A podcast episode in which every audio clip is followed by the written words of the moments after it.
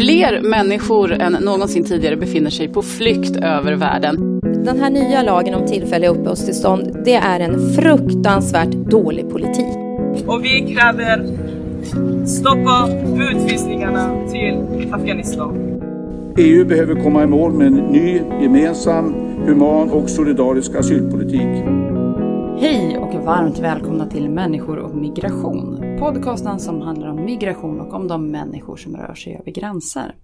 Jag som pratar nu heter Maja Dahl och jag är kommunikationsansvarig på Arena Idé som ger ut den här podcasten. Och idag så ska vi prata om alternativ till rätten att söka asyl. Som vi så ofta konstaterar i den här podcasten så har det aldrig varit så många människor på flykt som det är just nu i världen. Enligt FNs flyktingorgan UNHCR är det 65,6 miljoner människor som tvingats att lämna sina hem och av dem är cirka 22,5 miljoner flyktingar. Och hälften av dem är människor under 18 år. På flera håll höjs nu röster för att det system som vi har för att ta emot människor på flykt måste ändras. Men vad är egentligen alternativen? Ja, det ska vi prata om här idag och med mig för att diskutera det har jag som vanligt Arena Idés utredningschef, statsvetaren Lisa Pelling. Välkommen! Tack så mycket! Och återigen här i vår studio, den hett efterlängtade asylrättsadvokaten Ignacio Vita. Hej! Hej hej, tack ska du ha! Du, du har varit iväg ett tag. Ja, det har jag. Ja, vad, vad har du gjort? Vi har saknat dig. Jag vet knappt vad jag har gjort. Men jag har eh, jobbat hårt med min eh, mitt doktorandprojekt som jag har haft en intensiv period med. Eh, och så. Ja, för du har ju gått och blivit doktorand. Ja. Vad är det du ska titta närmare på? Jag eh, kommer att studera eh, hur nationella domstolar tolkar och tillämpar den så kallade non-refoulement-principen.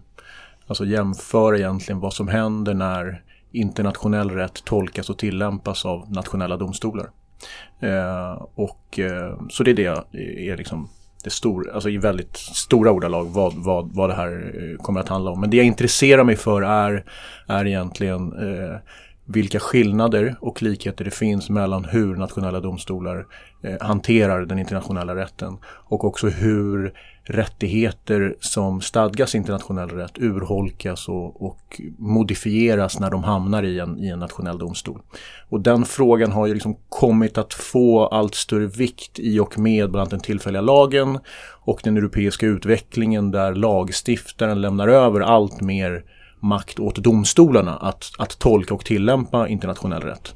Eh, så att idag är liksom migrationsdomstolarna på, på nationell nivå väldigt viktiga liksom migrationsrättsliga aktörer. Och därför blir det intressant tycker jag att, att studera hur, hur gör de när, de när de tillämpar den internationella rätten? Vad händer då? Och då tittar du specifikt på non-refoulement? Ja. Ja, och för en vanlig dödlig, vad betyder det? Norreformatprincipen är en princip som vi kommer att prata om en del idag. Eh, som ju handlar om, om ett förbud för en stat att återsända en person till ett land där den personen riskerar förföljelse, tortyr eller annan omänsklig eller förnedrande behandling kan man säga. Och det är ett, det är ett, det är ett förbud som, är absolut. Eh, så jag kommer precis titta på hur, hur nationella domstolar tolkar den principen. Eh, och sen har den principen, den tolkas ju i sin tur av både Europadomstolen, av EU-domstolen, den tolkas av FNs tortyrkommitté och de har ganska mycket rättspraxis utvecklat eh, hur man ska tolka den principen. Och då är en av frågorna, en av huvudfrågorna är liksom, vilken funktion och roll har den praxisen för de nationella domstolarna? Eh, beaktar de den överhuvudtaget eller inte och i så fall hur och sådär. Vad spännande, så vi kommer alltså kunna göra ett specialavsnitt om sådär fem år när du är klar? Många, många specialavsnitt. många specialavsnitt. Ja, ah, men vad bra, det ser ja. vi fram emot. Ja. Verkligen. Ja, men då, eh, nu när vi vet vad du har haft för dig och att det är helt okej okay att du inte har stått här i studion med oss, så kanske vi ska hugga vidare till dagens eh, ämne. För som jag sa inledningsvis så ska vi ju prata om alternativ till hur vi idag tar emot människor på flykt. Eh, och jag tänkte att vi inleder lite grann med att diskutera främst två, två stycken förslag eh, som är väl de huvudsakliga sätt man pratar om, eh, som, om hur det här då ska reformeras. Eh, och om vi börjar med det första förslaget som jag, som jag tänker att man liksom kan sammanfatta i med att rätten att söka asyl i EU ska avskaffas. Asylsökande som ändå tar sig in till EU ska skickas tillbaka direkt till deras hemland och kan endast komma till EU som kvotflyktingar. Om vi tittar på det här förslaget, vad menar vi, bryter ner det liksom, vad menas med att rätten till att söka asyl i EU ska avskaffas? Ignacio, vad är det då som man tar bort och hur, hur skulle det här funka? Mm. Alltså, i, idag fungerar det ju så att du i princip kan komma till Europa på två olika sätt. Antingen genom att du tar dig till Europa och söker asyl här vid gränsen. Eh, eller att du kommer hit som kvotflykting. Eh, det vill säga att du väljs ut på, i ditt hemland eller i grannland och kommer hit redan med ett uppehållstillstånd. Och när man talar om att avskaffa asylrätten så, så pratar man ju då oftast om, eller enbart om att man ska ta bort, ta bort möjligheten för människor att komma till Europa, eh, e EUs gränser och söka asyl på plats utan man ska enbart kunna komma hit via, via det här kvotflyktingsystemet.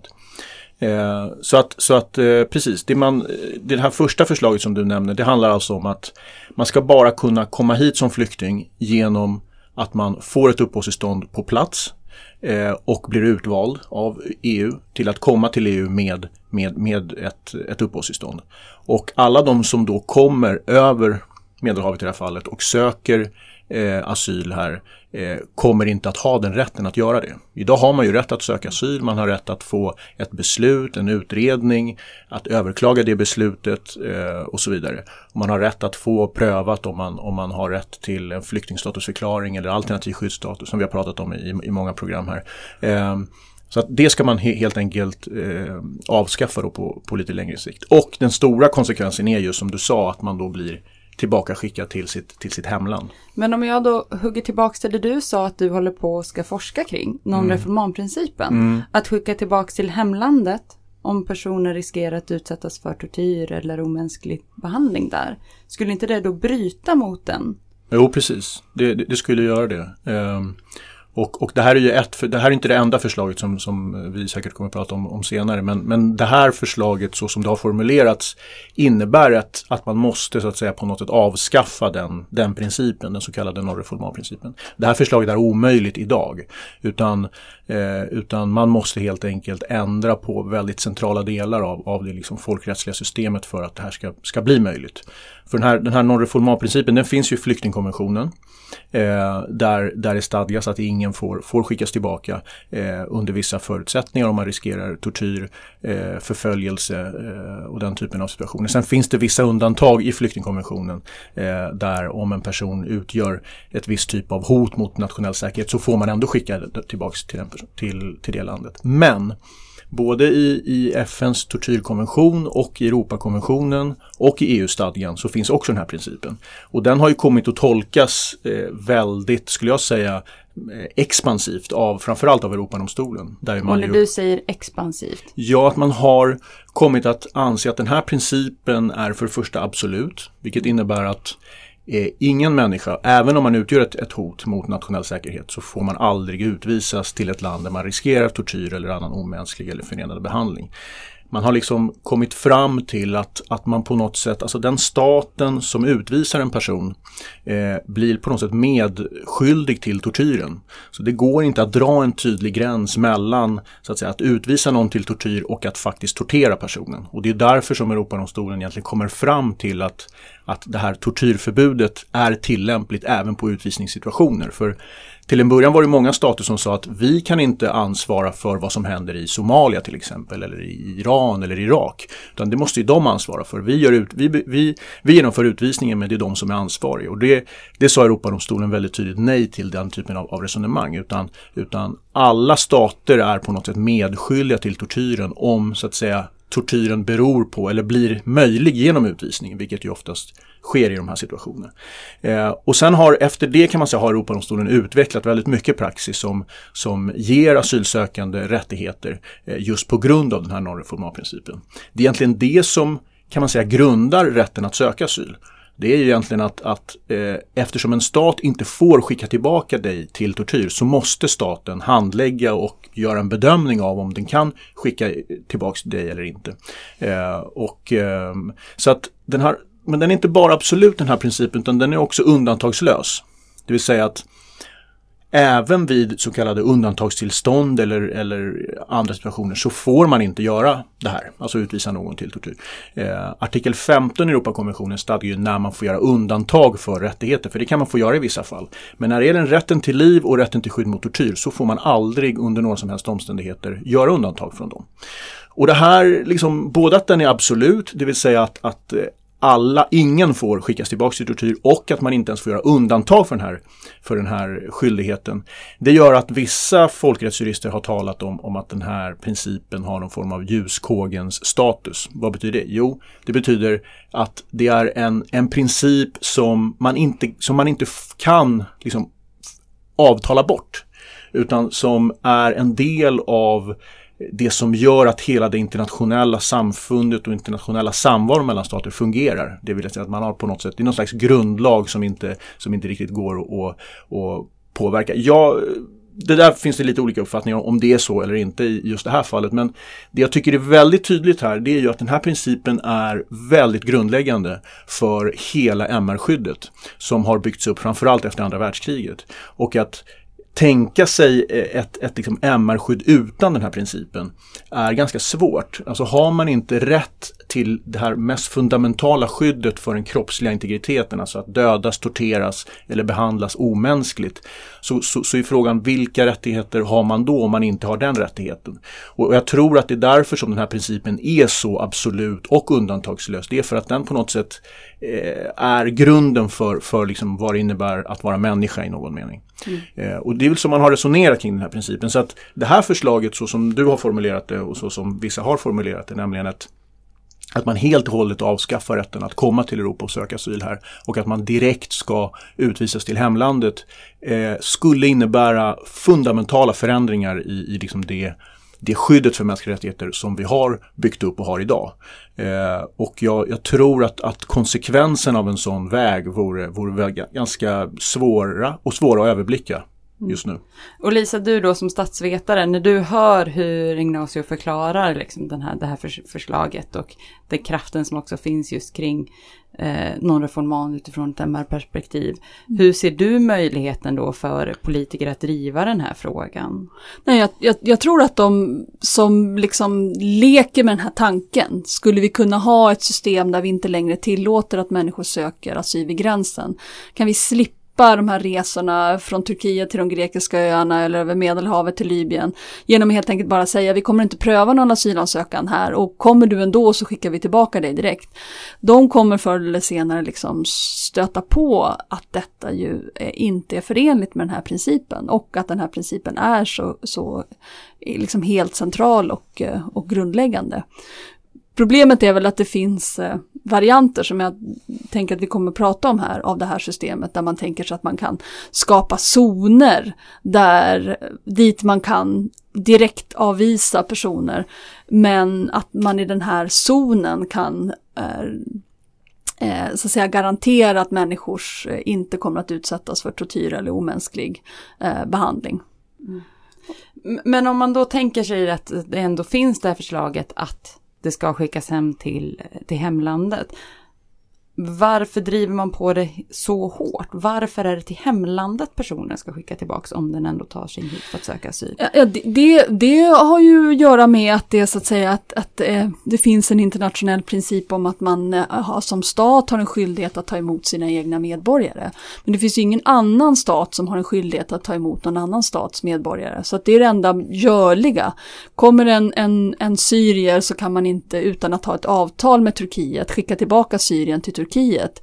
Utan man måste liksom skicka tillbaka till, till eh, Syrien. Tänker jag att det, det, det är liksom det som är eh, anledningen till att man resonerar så.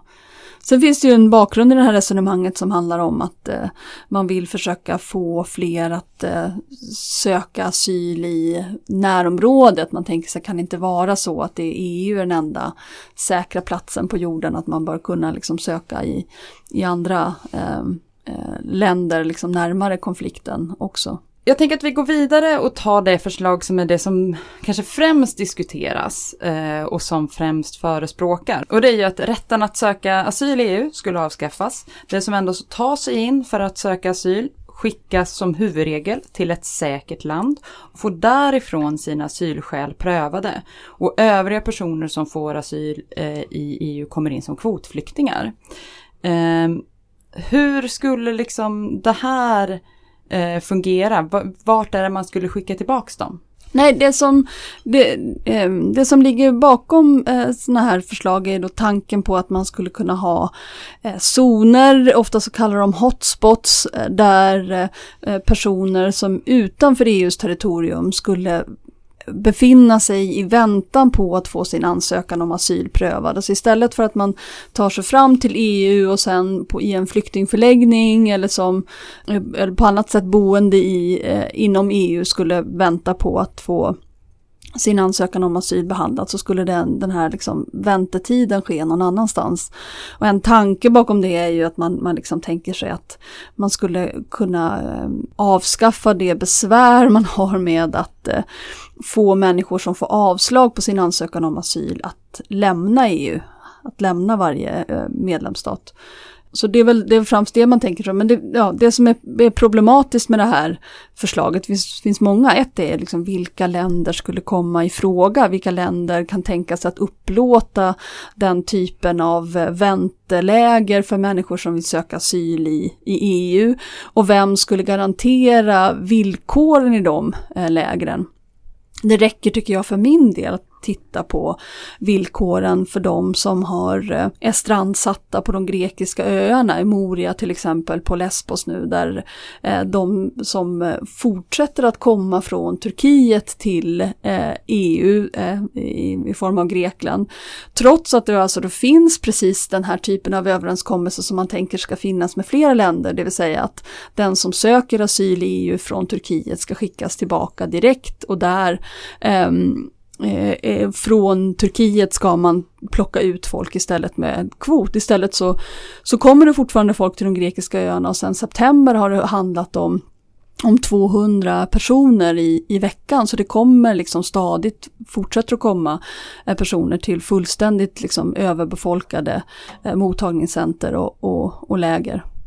Där eh, ja men situationen ser inte mycket bättre ut där än den gjorde hösten 2015. Det är inte lika mycket människor men det är lika kallt och det är lika liksom eh, ont om, om eh, värdiga boenden och möjlighet till sysselsättning, problem för barn som inte får gå i skolan och så vidare och så vidare. Mm. Utifrån då liksom ett rättsligt perspektiv, mm. Eh, Ignacio, nu har vi pratat eh, det tidigare förslaget kändes som det solklart bröt mot någon reform. Skulle det här, då skulle man komma förbi det och ha möjlighet att för man skickar till ett tredje land eller till ett säkert land istället. Det är inte hemlandet. Eh, finns det andra då eh, rättsliga aspekter som man måste tänka på när det kommer till det här förslaget? Alltså precis, till att börja med kan man säga att det, det är inte lika problematiskt rent folkrättsligt som, som det första förslaget eftersom man precis som du säger, man, man skickar personer till ett säkert land. Och, och, och det där är ju, är ju eh, vi pratade om non-reformat-principen enligt den första, sen finns det något som heter chain non-reformat, vilket innebär att den här principen innebär att du får heller inte skicka någon till ett land som i sin tur kan komma att skicka den till hemlandet där den personen riskerar tortyr. Och, och, det är den principen som egentligen blir aktuell här. Alltså vad, vilka länder är det man skickar till? Det, men, men, men, så att säga själva skickandet till ett annat land är ju och för sig inte otillåtet folkrättsligt utan det viktiga är ju att personen får skydd. Sen exakt var de får skydd är, är egentligen inte, det finns ingen, ingen tydlig rättighet för en person att få skydd i ett visst land. Eh, utan, utan det viktiga är att det landet som tar emot en, en person måste säkerställa att den personen inte återsänds till tortyr. Och, och det här förslaget eh, liksom eh, belyser ju då vilka krav ska vi ställa på det här landet som som tar emot eh, den här de här personerna. Och, och, för att man inte ska riskera att personen skick, i sin tur skickas vidare till, till tortyr så måste det finnas en asylprocess i det landet som är rättssäker, som, är, som inte är godtycklig så att man inte riskerar felaktiga beslut som innebär, innebär att, man, att man utsätts för tortyr. Och det där är ju liksom ingenting som är, som är statiskt utan det kan ju förändras. Ena dagen kan det vara en, en rättssäker process så att det, det måste finnas ganska tydliga eh, indikationer på att det här är ett land som uppfyller de grundläggande kraven för, för, eh, för asylsökanden. Och, och där finns det ju liksom en skala. Ska vi Ska vi begära att de här länderna erbjuder tolk, erbjuder offentliga biträden, erbjuder en muntlig asylutredning, genomgång av protokoll från muntliga asylutredningen, att få ett välmotiverat beslut, att ha rätt att överklaga det, domstolsprövning av de besluten. Och då måste det vara länder som har dels den möjligheten att göra det, som har den rättsstatstraditionen eh, i det landet där man liksom kan upprätthålla den typen av rättssäkerhet. Eh, och vilka länder skulle då bli aktuella? Eller tänker man sig istället att EU skulle på något sätt ta över en del av, av ett land eller att ett land upplåter en, en liksom del till EU och att EU sköter hela den processen. Alltså där finns det ju massa olika liksom alternativ och eh, de som har, så det är framförallt Moderaterna som ju har liksom presenterat en inriktning får man säga. De, de, har inte, de är inte jättetydliga men de har presenterat en inriktning som ju eh, kan tänkas liksom landa i något sånt där. Men, men då blir ju liksom de här så kallade praktikaliteten eller detaljerna blir ganska central och viktiga. Eh, men jag skulle säga att, att rent rättsligt så är det, det det är där som den stora frågan ligger. Eh, vad händer med dem i det här så kallade säkra landet? Eh, vilka krav ska man ställa? Och som liksom asylrättsadvokat då, då skulle, finns det, fanns det en möjlighet i sådana fall då att advokaterna ska åka ner i dem, till de länderna och föra sina klienters talan alltså? Eller hur, hur, hur ska ja, det, är, det är precis, det, det är en annan fråga. Eh, vilken, vilken tillgång på offentliga biträden kommer det finnas i de länderna? Eh, för man kan tänka sig, alltså om de skickas till ett land eh, så, är ju, så får de ju rimligen offentliga biträden i det landet. Eh, och då är frågan, eh, det kommer bli ganska många personer sannolikt. Och eh, finns det ens tillgång till, till liksom offentliga biträden som kan, som kan säkerställa det. Men, men man kan nog säga att, att det finns ju en stor risk när man gör på det här sättet att rättigheterna kommer att urholkas.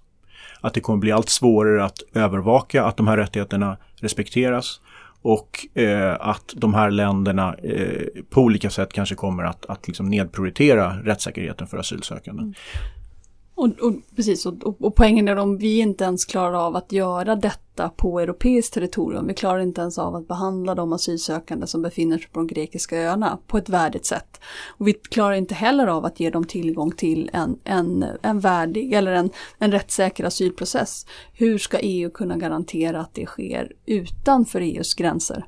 Um, en, en, en, en stor liksom problematik är ju också att eh, ju längre bort som människor i de här utsatta situationen eh, befinner sig, desto lättare är det kanske att inte ägna dem uppmärksamhet.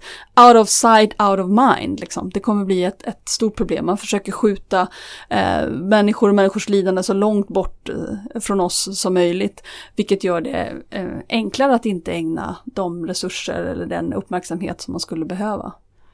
Och det här kräver ju också, som jag fattar det, som ett helt gemensamt eh, asylsystem för EU. Att man bedömer alla fall på samma sätt. Så som vi tidigare sett att man från svenskt perspektiv har haft andra sätt. Eh, liksom, vi, vi, har haft ja, men, särskilt ömmande skäl och liksom andra bedömnings delar. Det här kräver i sådana fall att alla EU-länder sluter sig under samma system. Förstår jag det rätt då? Ja, alltså det är svårt att tänka sig att det ska finnas en, en, representant för svenska migrationsverket på plats i Libyen och där pröva asylansökningar enligt en svensk standard medan eh, sida vid sida med en ungersk kollega. Utan man kommer säkert ställa krav på att det ska vara liksom oberoende EU-tjänstemän som gör den eh, prövningen och att det prövas mot, mot ett eh, europeiskt eh, liksom rättssystem snarare än mot de enskilda medlemsländerna. Så det är klart att det, det skulle innebära att, att Sverige helt och hållet förlorar möjligheten att gå, gå före. Ja, alltså det, det blir ju eh, lite, alltså det, det, det är oklart liksom. Man kan ju tänka sig att, att eh, olika medlemsländer i EU får eh, själv välja hur många man ska ta emot till exempel. Och att, där, att man därigenom kan, mm. kan liksom ta emot fler. Eh, Men mycket talar ju för att man nog vill ha enhetliga principer för vilka som får komma hit via kvotflyktingsystemet. Mm. Och naturligtvis att inget medlemsland tillåter människor att komma hit och söka asyl. Eh, det är det enda sättet att upprätthålla det systemet. Eh, så att det, men sen är frågan, alltså det här med oberoende EU-tjänstemän, det är inte givet att det, det är en lösning, men en lösning eller en modell. Den andra är ju att det landet sköter. Som vi, alltså det vi ser nu med Turkiet till exempel, EUs överenskommelse med Turkiet, där är det ju turkiska myndigheter som gör bedömningarna. Eh, och, eh, och det finns ju väldigt mycket som, som verkar tala för att vi ändå går mot någon sån här modell. Alltså både Merkel och Macron har ju pratat om att vi måste hitta ett sätt, ett system för att liksom, handlägga asylärenden utanför EUs gränser. Eh, och, eh, så, att, så att någon, men, men just nu tycker jag i alla fall att, att de här förslagen är på en, på en liksom alldeles för övergripande nivå för att, eh, och det är ganska viktigt att de som Eh, tycker så här verkligen blir mer och mer detaljerade i hur ett sånt här, en sån här modell skulle kunna se ut för att, eh, för att kunna eh, för det finns en risk för att det går väldigt snabbt. Det finns en risk för att man håller sig på en väldigt övergripande nivå och sen att man väldigt snabbt landar i en lösning. Och det är just i de här praktiska delarna av lösningen som riskerna är stora för liksom rent rättsliga övergrepp på asylsökandes rättigheter. Mm. Eh, och, och det, det, det, måste ju liksom eh, eh säkerställas.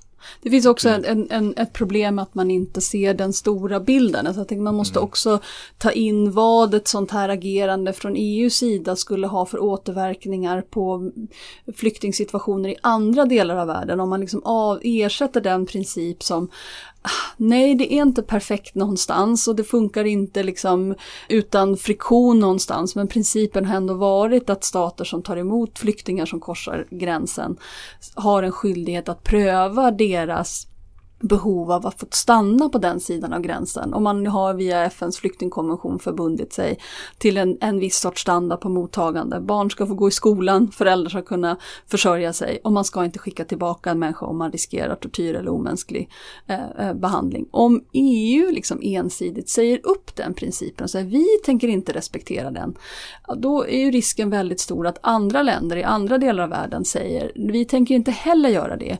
Och vad händer då med somalier som måste fly inbördeskriget Somalia till över gränsen till Kenya. Vad händer med alla de från Afghanistan som behöver få skydd i, i Iran eller, eller Pakistan? Vad händer med rohingya som flyr över gränsen till, eh, till Bangladesh? Kommer Bangladesh säga EU har förbehållit sig rätten att inte att ha som princip att man inte låter människor korsa gränsen. Den principen tänker vi också ha. Vi begär att EU ska fixa zoner i något annat land där rohingyas kan söka skydd. Eller eh, eh, liksom zoner till och med inne i eh, i, i Burma. Där, där det vi bevittnar ju är liksom ett pågående folkmord. Så att de här man måste både ställa mm. krav på att bli mer detaljerad, exakt hur skulle det fungera, och krav på att man måste liksom se de globala sammanhangen. Ja, och det finns ju också en risk att, att eh, det blir väldigt många människor i väldigt få länder och att det destabiliserar en redan instabil region. Det vill säga att säkerheten kan liksom urholkas ännu mer genom den här typen av, av system. För det, det, det, är klart att det är svårt att tänka sig ett sånt här system eh, utan att det är några få länder som får ta ett gigantiskt ansvar för människor på flykt. Eh, och eh, det är ju sällan liksom ett, ett eh, särskilt bra och förmodligen kommer de här länderna också vara i närheten av konfliktområdena. Vilket gör att, att det finns en risk att, att det här systemet destabiliserar liksom, eh, regionen i, i stort. En anledning till att man, man lyfter de här förslagen är ju att man vill kontrollera exakt hur många människor som kommer in till länder. Nu pratar ju du om att det här sätter en press på länder som kommer få ta ett väldigt stort ansvar. Och här vill man ju med så här reformförslag kunna påverka hur många vi behöver ta emot och hur många vi behöver kunna ta ansvar för. Eh, vad tror ni finns liksom den här möjligheten att totalt kunna kontrollera hur många människor som kommer till EU. Ja, alltså det, det, är ju, det är ju en av de saker som skaver med de här typen av förslag. Att, att det liksom finns människor som på allvar tror att människor på flykt är liksom som pjäser på ett schackbräde som man liksom kan flytta runt eh, lite som man vill. Att, att det går att eh, att bestämma, nu ska alla som söker skydd härifrån samlas här. Man räknar helt bort att människor har egna liksom, drivkrafter, egna, egna viljor, egen... Eh, ja, att, man, att, att människor rör på sig helt enkelt. Och Å ena sidan ska man inte underskatta mänsklighetens möjlighet att bygga murar. Vi är eh, liksom förödande skickliga på att hindra människor från att röra sig över gränser. Men samtidigt så är det helt omöjligt att ha helt stängda gränser. Det har hittills aldrig lyckats för någon regim att helt och hållet stänga. Så man kommer alltid att ha fallen där människor tar sig över eh, i alla fall. Eh, och i, i, EUs fall så är det ju så att eh, om man tänker sig att man vill stoppa döden på Medelhavet genom att eh, inte längre tillåta människor att söka skydd i EU så har man ju fortfarande inte löst problemet med alla de som kommer till EU för att arbeta. En del av dem har också behov av skydd, men om de vet att de inte kommer att få sitt behov av skydd i EU genom asylsystemet så kan det fortfarande vara så att, att man Eh, väljer att försöka få ett jobb i jordbruket i Italien eller som säsongsarbetare i byggnadsindustrin i, i Frankrike. Och den, hela den problematiken löser man inte heller med det här eh, förslaget. Eh, så att hermetiskt tillslutna gränser, nej det finns inte. Och det är inte bara det att det är orealistiskt, det är farligt att liksom planera för en sån politik. Jag tänker också för mig själv, det, det finns eh, ju också en, en eh, situationer som kan uppstå där människor som har rest in i EU lagligt. Man kan tänka sig en situation som var den i början av 70-talet när många ungdomar från Latinamerika, från Argentina, från Chile, från Uruguay befann sig i, eh, Europa som studenter och så plötsligt inträffar militärkupper 11 september 1973 i Chile.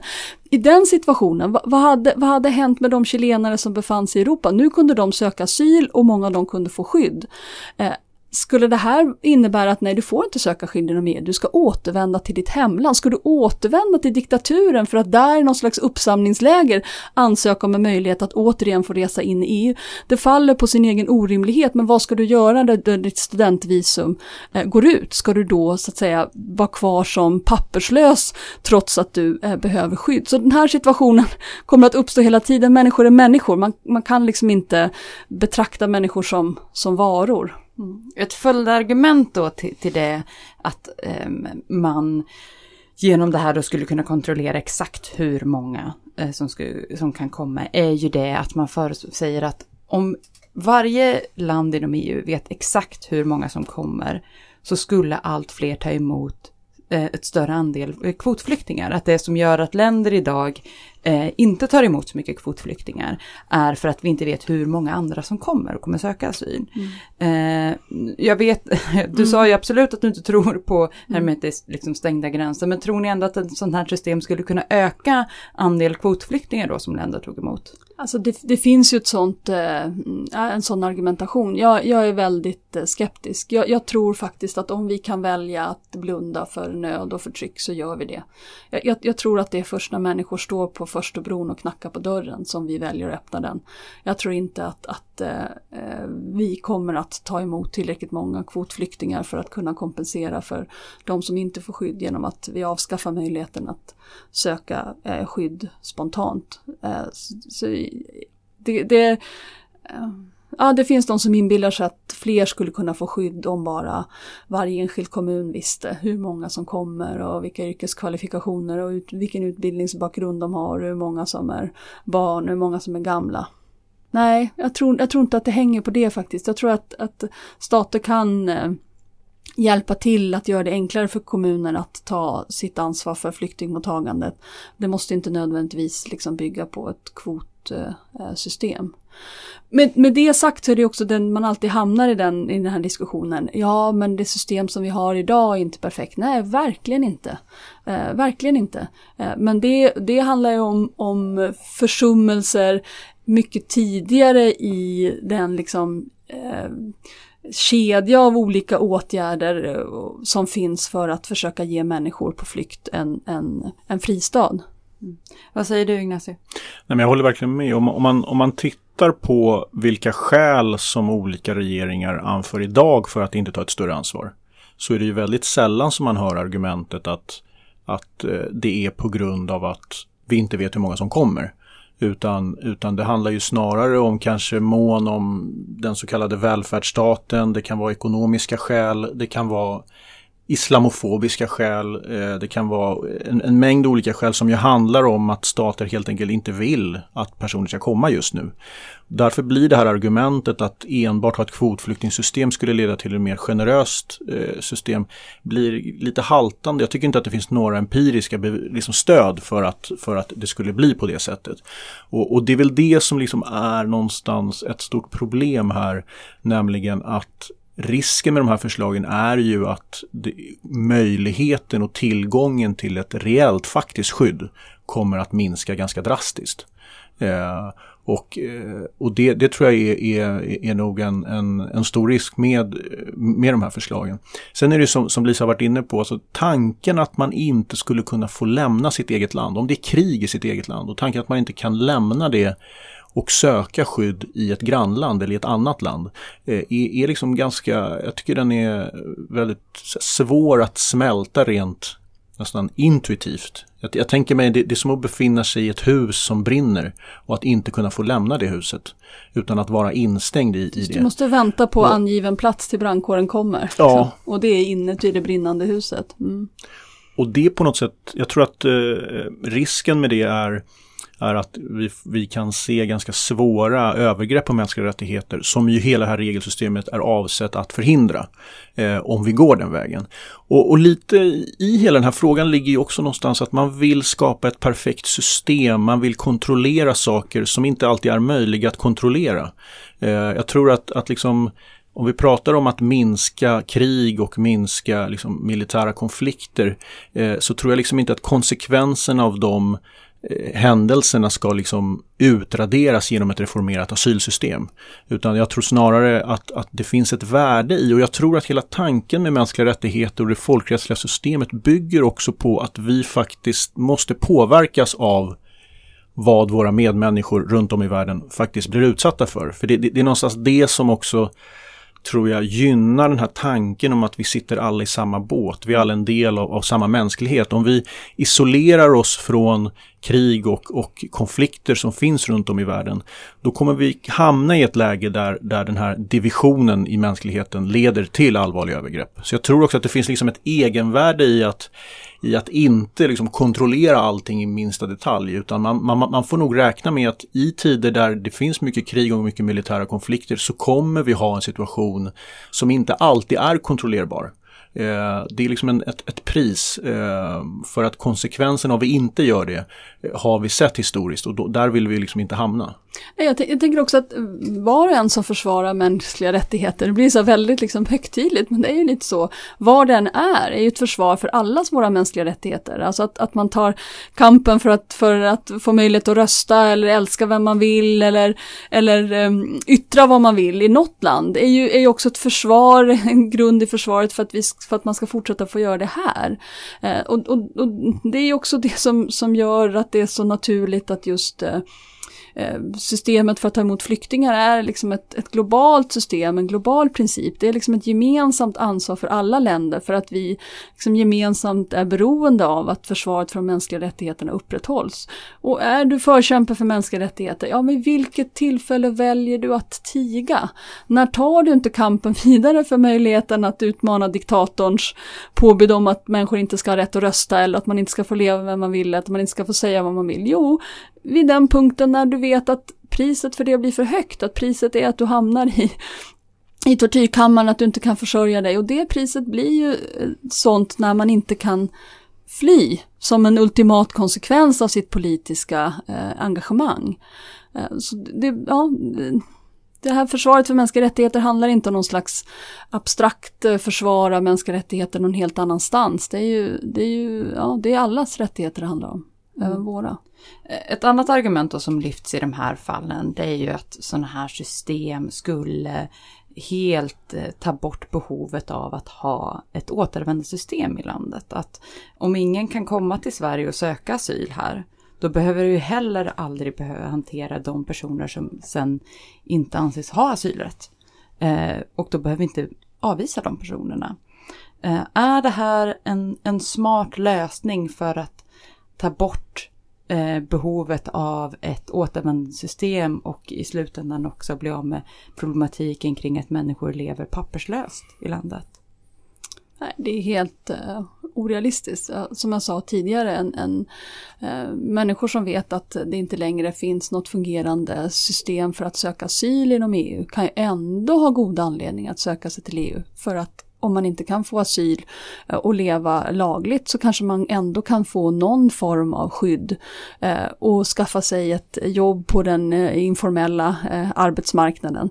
Så det här liksom problemet med att, att så bryr man sig inte om att, att skapa lagliga vägar, varken för asyl eller för arbetskraftsinvandring, så kommer man ha människor som tvingas ta irreguljära vägar in i EU. Eh, så, så det, det problemet löser man inte genom att eh, säga att asylprövningar ska ske utanför EUs gränser. Finns det inte också en ganska stor risk att de personer då, om man skulle till exempel gå på så det är förslag ett som vi pratar om att man ska skickas hem till hemlandet, det finns ett ännu större incitament att hålla sig borta. Jo, det är klart. Om man vet att, att man till och med kan bli avvisad direkt till tortyr, absolut. Alltså sen är ju alltså återvändandefrågan är igen, alltså man måste ju väga olika problem. Alltså om man, om man eh, gör liksom väldigt stora inskränkningar i rätten att söka asyl för att då åtgärda ett problem som egentligen inte är så stort. Alltså de flesta människor som får utvisningsbeslut verkställs ju. Antingen att man själv eh, liksom lämnar landet eller att man verkställs via Migrationsverket. Det är en, det är en, det är en minoritet av de utvisningsbeslut som verkställs idag som, som liksom leder till att personer hamnar i papperslöshet. Så att det är liksom inte ett stort problem eh, som, som, vi, som på det sättet. Mm. Att det motiverar en sån pass in, ett, så, så, pass ingripande och, och, stora förändringar av, av eh, asylrätten. Det, det, argument som kanske är det som väger tyngst när man pratar kring det här, det är ju ändå döden på Medelhavet. Och du var inne på det lite grann tidigare Lisa. Eh, men det är ju ett argument som lyfts i de här fallen att eh, det är väldigt många människor som dör på vägen hit. Och genom att bygga upp ett system där ingen kan ta sig hit så, eh, och att alla måste söka utifrån så tar man bort incitamentet att sätta sig i de här sjödugliga båtarna. Är det här ett sätt att rädda liv? Nej, det är ju inte det. Alltså, eh, man, man, kan inte, man kan inte lösa det här liksom enbart med eh, repression. Eh, så länge liksom människor har anledning att ta sig över eh, Medelhavet, så länge man efterfrågas som, som arbetskraft eller så länge man har familj i EU som man vill leva tillsammans med, så, så länge vi inte erbjuder lagliga vägar för den eh, typen av rörelse över Medelhavet, eller att man flyr för sitt, för sitt liv, så, så kommer folk att fortsätta eh, korsa Medelhavet.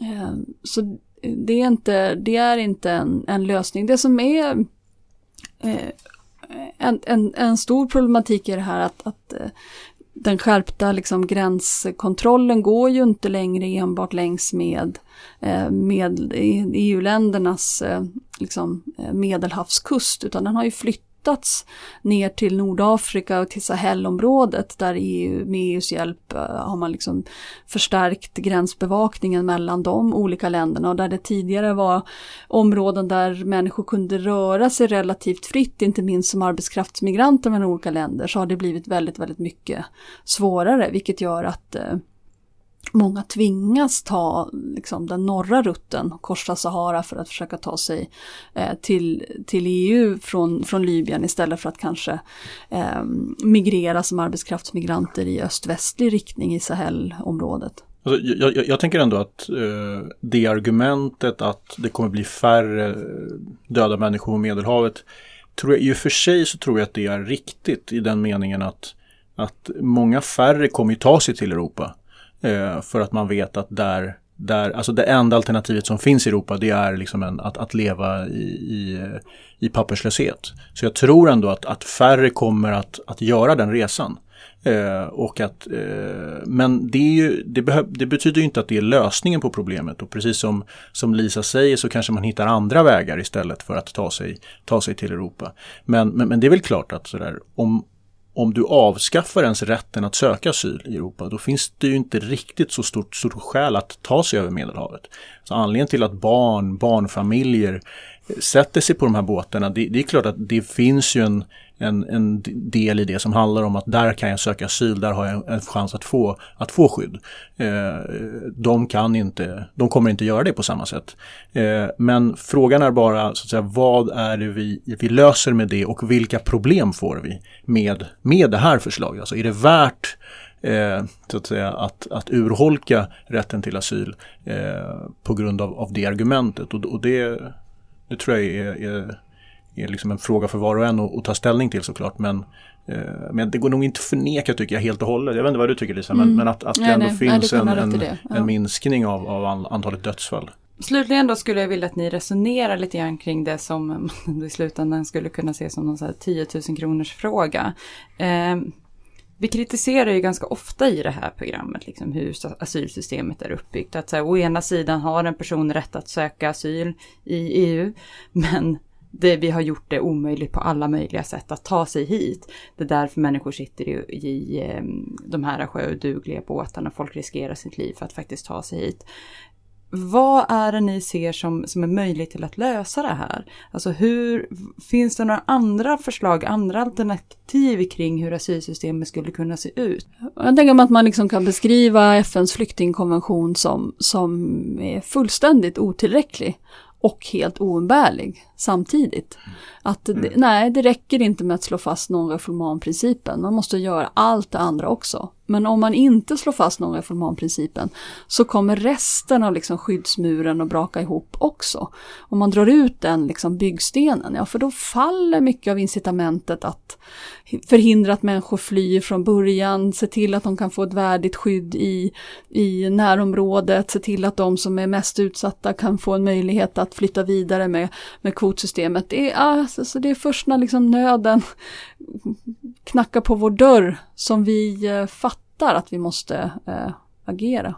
Mm. Det, det, finns ju, det finns ju liksom en del eh, intressanta förslag kan man säga just nu. Bland annat så har eh, en känd utvecklingsekonom, Paul Collier och en eh, känd eh, statsvetarprofessor vid, vid Oxford, Alexander Betts, som båda är liksom, ja, men väldigt tunga namn inom respektive område. De har tillsammans skrivit en bok som de kallar Refuge, där de lanserar en idé om att man skulle ha några särskilda utvecklingszoner där människor som har flytt till exempel från Syrien skulle ha en möjlighet att att arbeta i Jordanien. Så att det är ett stort problem detta att eh, länder i närområdet sällan vill att eh, flyktingar ska få jobba eftersom man är rädd för konkurrensen på, på eh, den lokala arbetsmarknaden. Och, och, det, måste, det problemet måste man, det är rejält, det måste man respektera att politiker i Kenya eller politiker i Jordanien, de ska bli valda av sin befolkning och befolkningen upplever att flyktingarna tränger ut deras möjligheter på arbetsmarknaden så måste de ta hänsyn till det.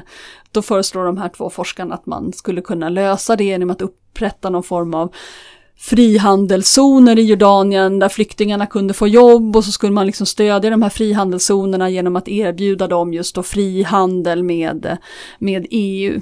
Ja, men varför inte? Men varför gör man inte det redan idag? Vad är det som, vad är det som hindrar?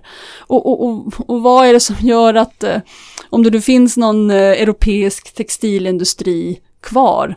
Vad är det som gör att europeiska politiker skulle vilja utsätta den eh, textilindustrin till exempel för konkurrens från någon slags eh, sweatshops i den jordanska öknen bara för flyktingarnas skull? Alltså, problemet är fortfarande olöst.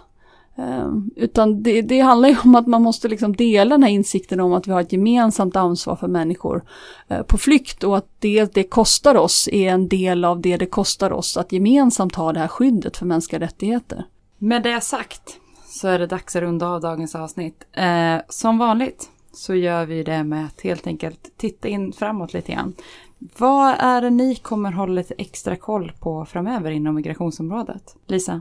Ja men det, det, som jag ser fram emot nu om eh, drygt, eller om knappt en månad så kommer Maria Färm att presentera resultatet av den statliga utredning som hon har varit ansvarig för om lagliga vägar att söka asyl inom EU som jag har fått förmånen att vara en expert i. Och väldigt, väldigt eh, svåra eh, diskussioner, otroligt eh, lärorikt. Men jag tror faktiskt att Maria har landat i ett förslag som, som kan vara väldigt eh, intressant när det gäller att öppna nya lagliga vägar för människor att söka asyl inom EU. Så vi hoppas att vi på Arena Idé ska få vara med på ett hörn och sprida de resultaten och bidra till den diskussionen också. Så det ser jag fram emot. Spännande, om inte minst så kanske i alla fall ett litet poddavsnitt. Absolut, jag har redan eh, eh, bett Maria att hålla eh, plats i kalendern för att komma hit. Men Hoppas att du bokar gäster utan min vetskap. det tar vi efteråt. Ja, jag bara, Ignacio, har man tid att spana framåt eller sitter du fast med näsan i böckerna? Nej då, det finns absolut tid. Eh, Det som vi har diskuterat idag kommer ju att behandlas den 29 november klockan 8 till 9.30 i i riksdagen där Moderaterna har, har ett seminarium som de eh, har arrangerat. Så att jag, jag tror att eh, det kommer, jag, jag tror att Moderaterna verkar vara så att säga väldigt inne på de här tankarna och kommer att konkretisera eh, sin, sin politik på de, här, på de här områdena. Så det tänker jag är en, en, eh, någonting som jag vill följa och, och se, se vad, vad som händer där. Sen bara en annan grej, det är ju Fores, alltså tankesmedjan Fores har pratat om de här frågorna ganska mycket också. Eh, och gör rätt mycket i de frågorna i, i form av seminarier och debatter. Och, och, så att för er som, som lyssnar på den här podden, kolla, kolla på deras hemsida och deras eh, seminarier framöver. För det, det, är väldigt, det är väldigt bra och de är ganska ensamma egentligen om att ha en, liksom en, en tankesmedja som verkligen eh, fokuserar på att diskutera de här frågorna. Eh, och det märker man ju också för att de, de är väldigt välbesökta de seminarierna. Nu märks det då att du inte har varit här i studion med oss på ett tag, Ignacio, om det du känner dig helt fri och ledig att tipsa om en annan tankesmedja, men du får göra det. Ja, just det. men vi, vi gillar att samarbeta med Fores. Ja, det gör vi. Eh, Själv så har jag inte kunnat släppa en grej som jag såg för, ja, nu är det väl någon månad sedan, men jag hade det stora nöjet att lyckas smita in på en stand-up show där Kristoffer Appelqvist var, eh, som då pratade om eh, just den här siffran som jag nämnde inledningsvis. Alltså 65,6 miljoner människor befinner sig på flykt i världen just nu. Och hans förslag var att Sverige skulle ta emot alla. Vi är 10 miljoner. Det räcker med att personer tar 6,5 flykting var. Öppnar upp sina hem och helt enkelt gör som man ibland gör ute på krogen. Jag tar notan. Den stora notan. Och hur häftigt det hade varit om vi som land hade kunnat tänka så. Och jag vet att det var ett skämt. Jag vet att det är en absurd grej. Men den tanken har inte kunnat släppa mig. Så att jag kommer fortsätta leta efter de här jättegalna och härliga och storslagna tankarna medan alla andra sitter och pratar om hur vi ska stoppa. Så tänker jag leta Och få oss alla att, andra att framstå som fullständigt visionslösa. jag förstår. Precis, Tack för det. precis. Det är precis det jag tänker göra. Ja. Att fortsätta jaga knäppisar som Kristoffer Appelqvist och höra vad de tänker. Eh, det är min plan den kommande tiden, för jag tror att vi behöver lite mer optimism just nu. Med det sagt, dags att avsluta dagens avsnitt. Tusen tack Lisa Pelling och tack Ignacio för att du ärade oss med att komma hit. Tack, tack.